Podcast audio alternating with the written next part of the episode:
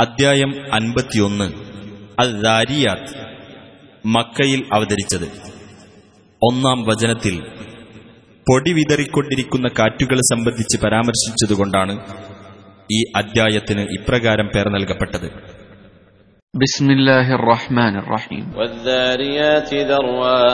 ശക്തിയായി പൊടി വിതറിക്കൊണ്ടിരിക്കുന്ന കാറ്റുകൾ തന്നെയാണ് സത്യം.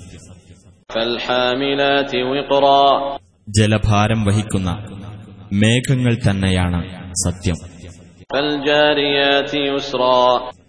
നിഷ്പ്രയാസം സഞ്ചരിക്കുന്ന കപ്പലുകൾ തന്നെയാണ് സത്യം.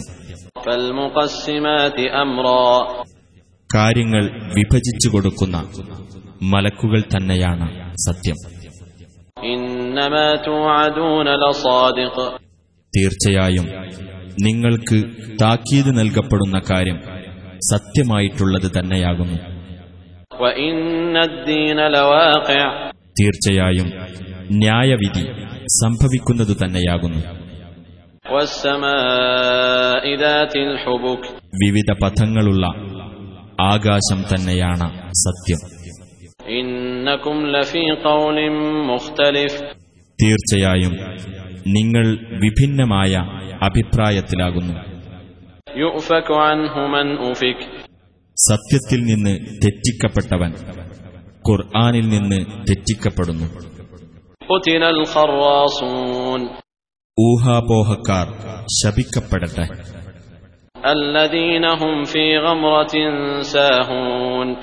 വിവരക്കേടിൽ മതിമറന്നു കഴിയുന്നവർ. ന്യായവിധിയുടെ നാൾ എപ്പോഴായിരിക്കും എന്നവർ ചോദിക്കുന്നു.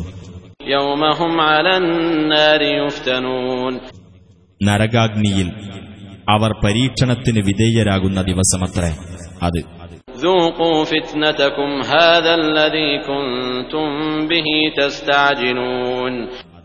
അവരോട് പറയപ്പെടും നിങ്ങൾക്കുള്ള പരീക്ഷണം നിങ്ങൾ അനുഭവിച്ചുകൊള്ളുവിൻ.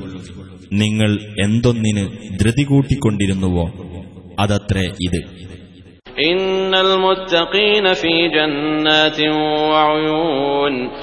തീർച്ചയായും സൂക്ഷ്മത പാലിക്കുന്നവർ സ്വർഗത്തോപ്പുകളിലും അരുവികളിലുമായിരിക്കും.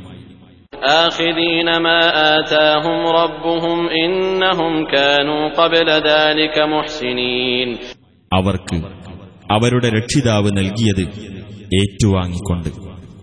തീർച്ചയായും അവർ അതിനു മുമ്പ് സദ്വൃത്തരായിരുന്നു.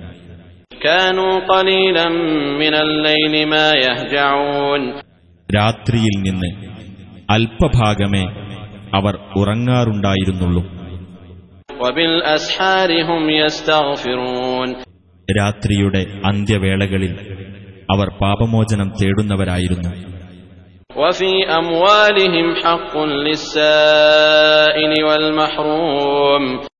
അവരുടെ സ്വത്തുക്കളിലാകട്ടെ. ചോദിക്കുന്നവനും ഉപജീവനം തടയപ്പെട്ടവനും ഒരു അവകാശമുണ്ടായിരിക്കുകയും ചെയ്യും.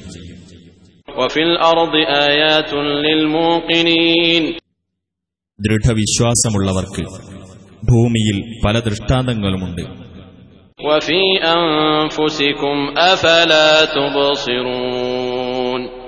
നിങ്ങളിൽ തന്നെയും പല ദൃഷ്ടാന്തങ്ങളുണ്ട്. എന്നിട്ട് നിങ്ങൾ കണ്ടറിയുന്നില്ലേ?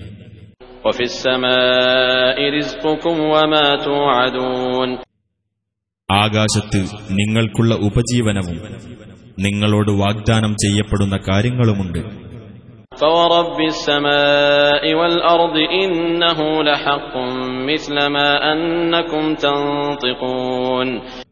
എന്നാൽ ആകാശത്തിന്റെയും ഭൂമിയുടെയും രക്ഷിതാവിനെ തന്നെയാണ് സത്യം. നിങ്ങൾ സംസാരിക്കുന്നു എന്നതുപോലെ തീർച്ചയായും ഇത് സത്യമാകുന്നു.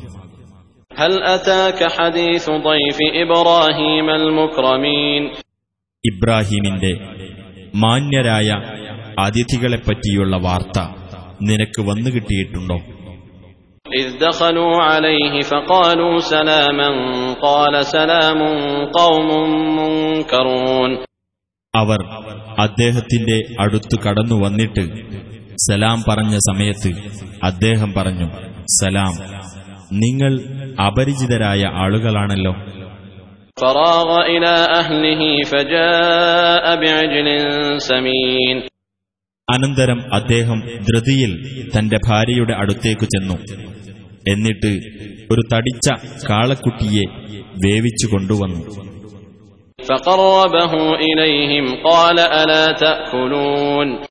എന്നിട്ട് അത് അവരുടെ അടുത്തേക്ക് വെച്ചു. അദ്ദേഹം പറഞ്ഞു നിങ്ങൾ തിന്നുന്നില്ലേ?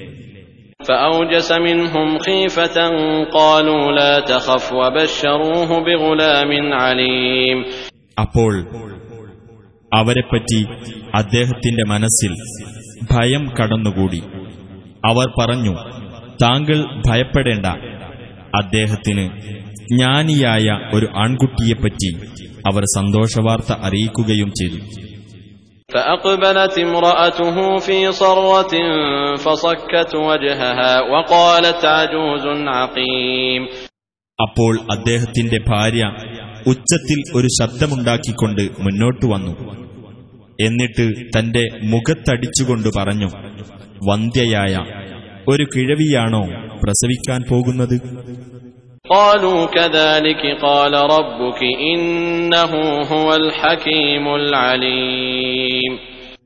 ആ ദൂതന്മാർ പറഞ്ഞു അപ്രകാരം തന്നെയാകുന്നു.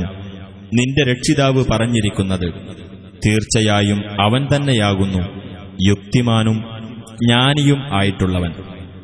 قال فما خطبكم أيها المرسلون അദ്ദേഹം ചോദിച്ചു ഹേ ദൂതന്മാരെ അപ്പോൾ നിങ്ങളുടെ കാര്യമെന്താണ് قالوا إنا أرسلنا إلى قوم مجرمين അവർ പറഞ്ഞു ഞങ്ങൾ കുറ്റവാളികളായ ഒരു ജനതയിലേക്ക് അയക്കപ്പെട്ടതാകുന്നു لنرسل عليهم حجارة من طين കളിമണ്ണുകൊണ്ടുള്ള കല്ലുകൾ ഞങ്ങൾ അവരുടെ നേരെ അയക്കുവാൻ വേണ്ടി.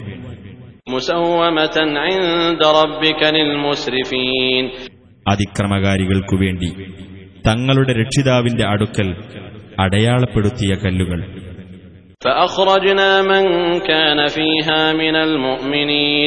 അപ്പോൾ സത്യവിശ്വാസികളിൽപ്പെട്ടവരായി അവിടെ ഉണ്ടായിരുന്നവരെ നാം പുറത്തുകൊണ്ടുവന്നു രക്ഷപ്പെടുത്തി.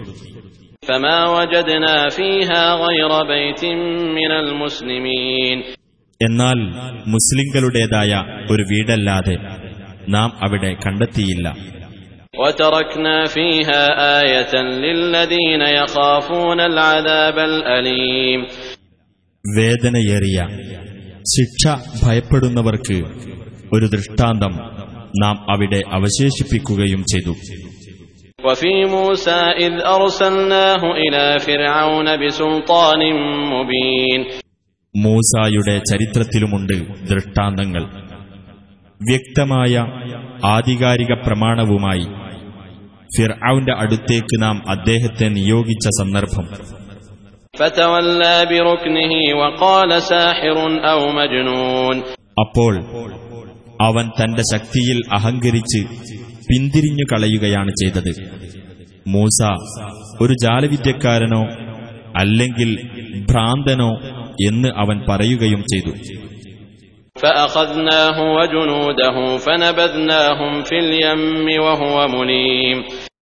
അതിനാൽ അവനെയും അവന്റെ സൈന്യങ്ങളെയും നാം പിടികൂടുകയും എന്നിട്ട് അവരെ കടലിൽ എറിയുകയും ചെയ്തു. അവൻ തന്നെയായിരുന്നു ആക്ഷേപാർഹൻ. وفي عاد إذ أرسلنا عليهم الريح العقيم ആദ് ജനതയിലും ദൃഷ്ടാന്തമുണ്ട് വന്ധ്യമായ കാറ്റ് നാം അവരുടെ നേരെ അയച്ച സന്ദർഭം ما تذر من شيء أتت عليه إلا جعلته كالرميم ആ കാറ്റ് ഏതൊരു വസ്തുവിന്മേൽ ചെന്നെത്തിയോ അതിനെ ദ്രവിച്ച തുരുമ്പ് പോലെ ആക്കാതെ അത് വിടുമായിരുന്നില്ല.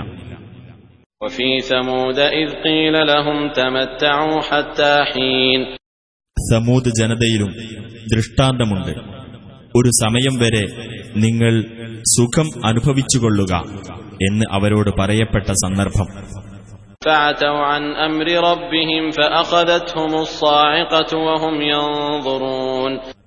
എന്നിട്ട് അവർ തങ്ങളുടെ രക്ഷിതാവിന്റെ കൽപ്പനയ്ക്കെതിരായി ധിക്കാരം കൈക്കൊണ്ടു. അതിനാൽ അവർ നോക്കിക്കൊണ്ടിരിക്കെ ആ ഘോരനാദം അവരെ പിടികൂടി.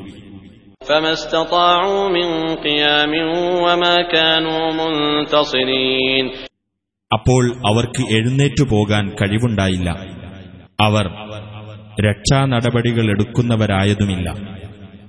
وقوم نوح من قبل إنهم كانوا قوما فاسقين അതിനു മുമ്പ് നോഹിന്റെ ജനതയെയും നാം നശിപ്പിക്കുകയുണ്ടായി തീർച്ചയായും അവർ അധർമ്മകാരികളായ ഒരു ജനതയായിരുന്നു والسماء بنيناها بأيد وإنا لموسعون ആകാശമാകട്ടെ നാം അതിനെ ശക്തി കൊണ്ട് നിർമ്മിച്ചിരിക്കുന്നു തീർച്ചയായും നാം വികസിപ്പിച്ചെടുക്കുന്നവനാകുന്നു والأرض فرشناها فنعم الماهدون ഭൂമിയാകട്ടെ നാം അതിനെ ഒരു വിരിപ്പാക്കിയിരിക്കുന്നു എന്നാൽ അത് വിധാനിച്ചവൻ എത്ര നല്ലവൻ ومن كل شيء خلقنا زوجين لعلكم تذكرون എല്ലാ വസ്തുക്കളിൽ നിന്നും ഈ രണ്ട് ഇണകളെ നാം സൃഷ്ടിച്ചിരിക്കുന്നു നിങ്ങൾ ആലോചിച്ച് മനസ്സിലാക്കുവാൻ വേണ്ടി.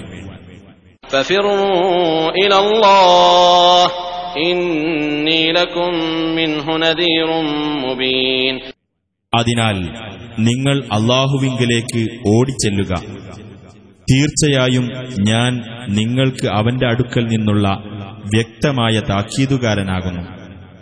ولا تجعلوا مع الله إلها آخر إني لكم منه نذير مبين അള്ളാഹുവോടൊപ്പം മറ്റൊരു ദൈവത്തെയും നിങ്ങൾ സ്ഥാപിക്കാതിരിക്കുകയും ചെയ്യുക തീർച്ചയായും ഞാൻ നിങ്ങൾക്ക് അവന്റെ അടുക്കൽ നിന്നുള്ള വ്യക്തമായ താക്കീതുകാരനാകുന്നു كذلك ما أتى الذين من قبلهم من رسول إلا قالوا ساحر أو مجنون അപ്രകാരം തന്നെ ഇവരുടെ പൂർവികന്മാരുടെ അടുത്ത് ഏതൊരു റസൂൽ വന്നപ്പോഴും ജാലവിദ്യക്കാരനെന്നോ ഭ്രാന്തനെന്നോ അവർ പറയാതിരുന്നിട്ടില്ല أتواصوا به بل هم قوم طاغون അങ്ങനെ പറയണമെന്ന് അവർ അന്യോന്യം വസീയത്ത് ചെയ്തിരിക്കുകയാണോ?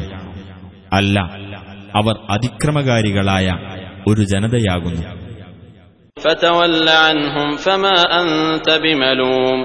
ആകയാൽ നീ അവരിൽ നിന്ന് തിരിഞ്ഞുകളയുക.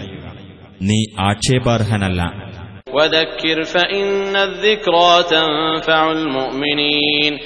നീ ഉത്ബോധിപ്പിക്കുക. തീർച്ചയായും ഉത്ബോധനം സത്യവിശ്വാസികൾക്ക് പ്രയോജനം ചെയ്യും.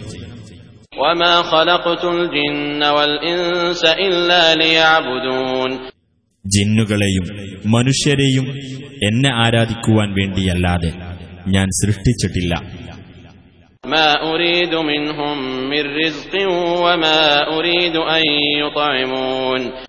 ഞാൻ അവരിൽ നിന്ന് ഉപജീവനമൊന്നും ആഗ്രഹിക്കുന്നില്ല.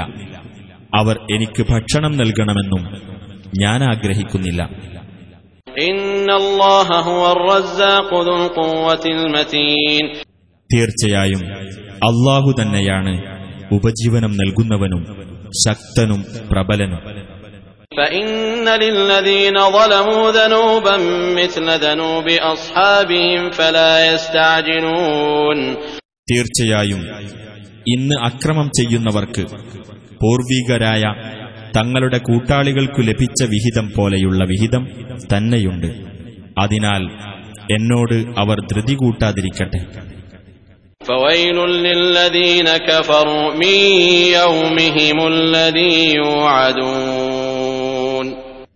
അപ്പോൾ തങ്ങൾക്ക് താക്കീത് നൽകപ്പെടുന്നതായ ആ ദിവസം നിമിത്തം സത്യനിഷേധികൾക്ക് നാശം.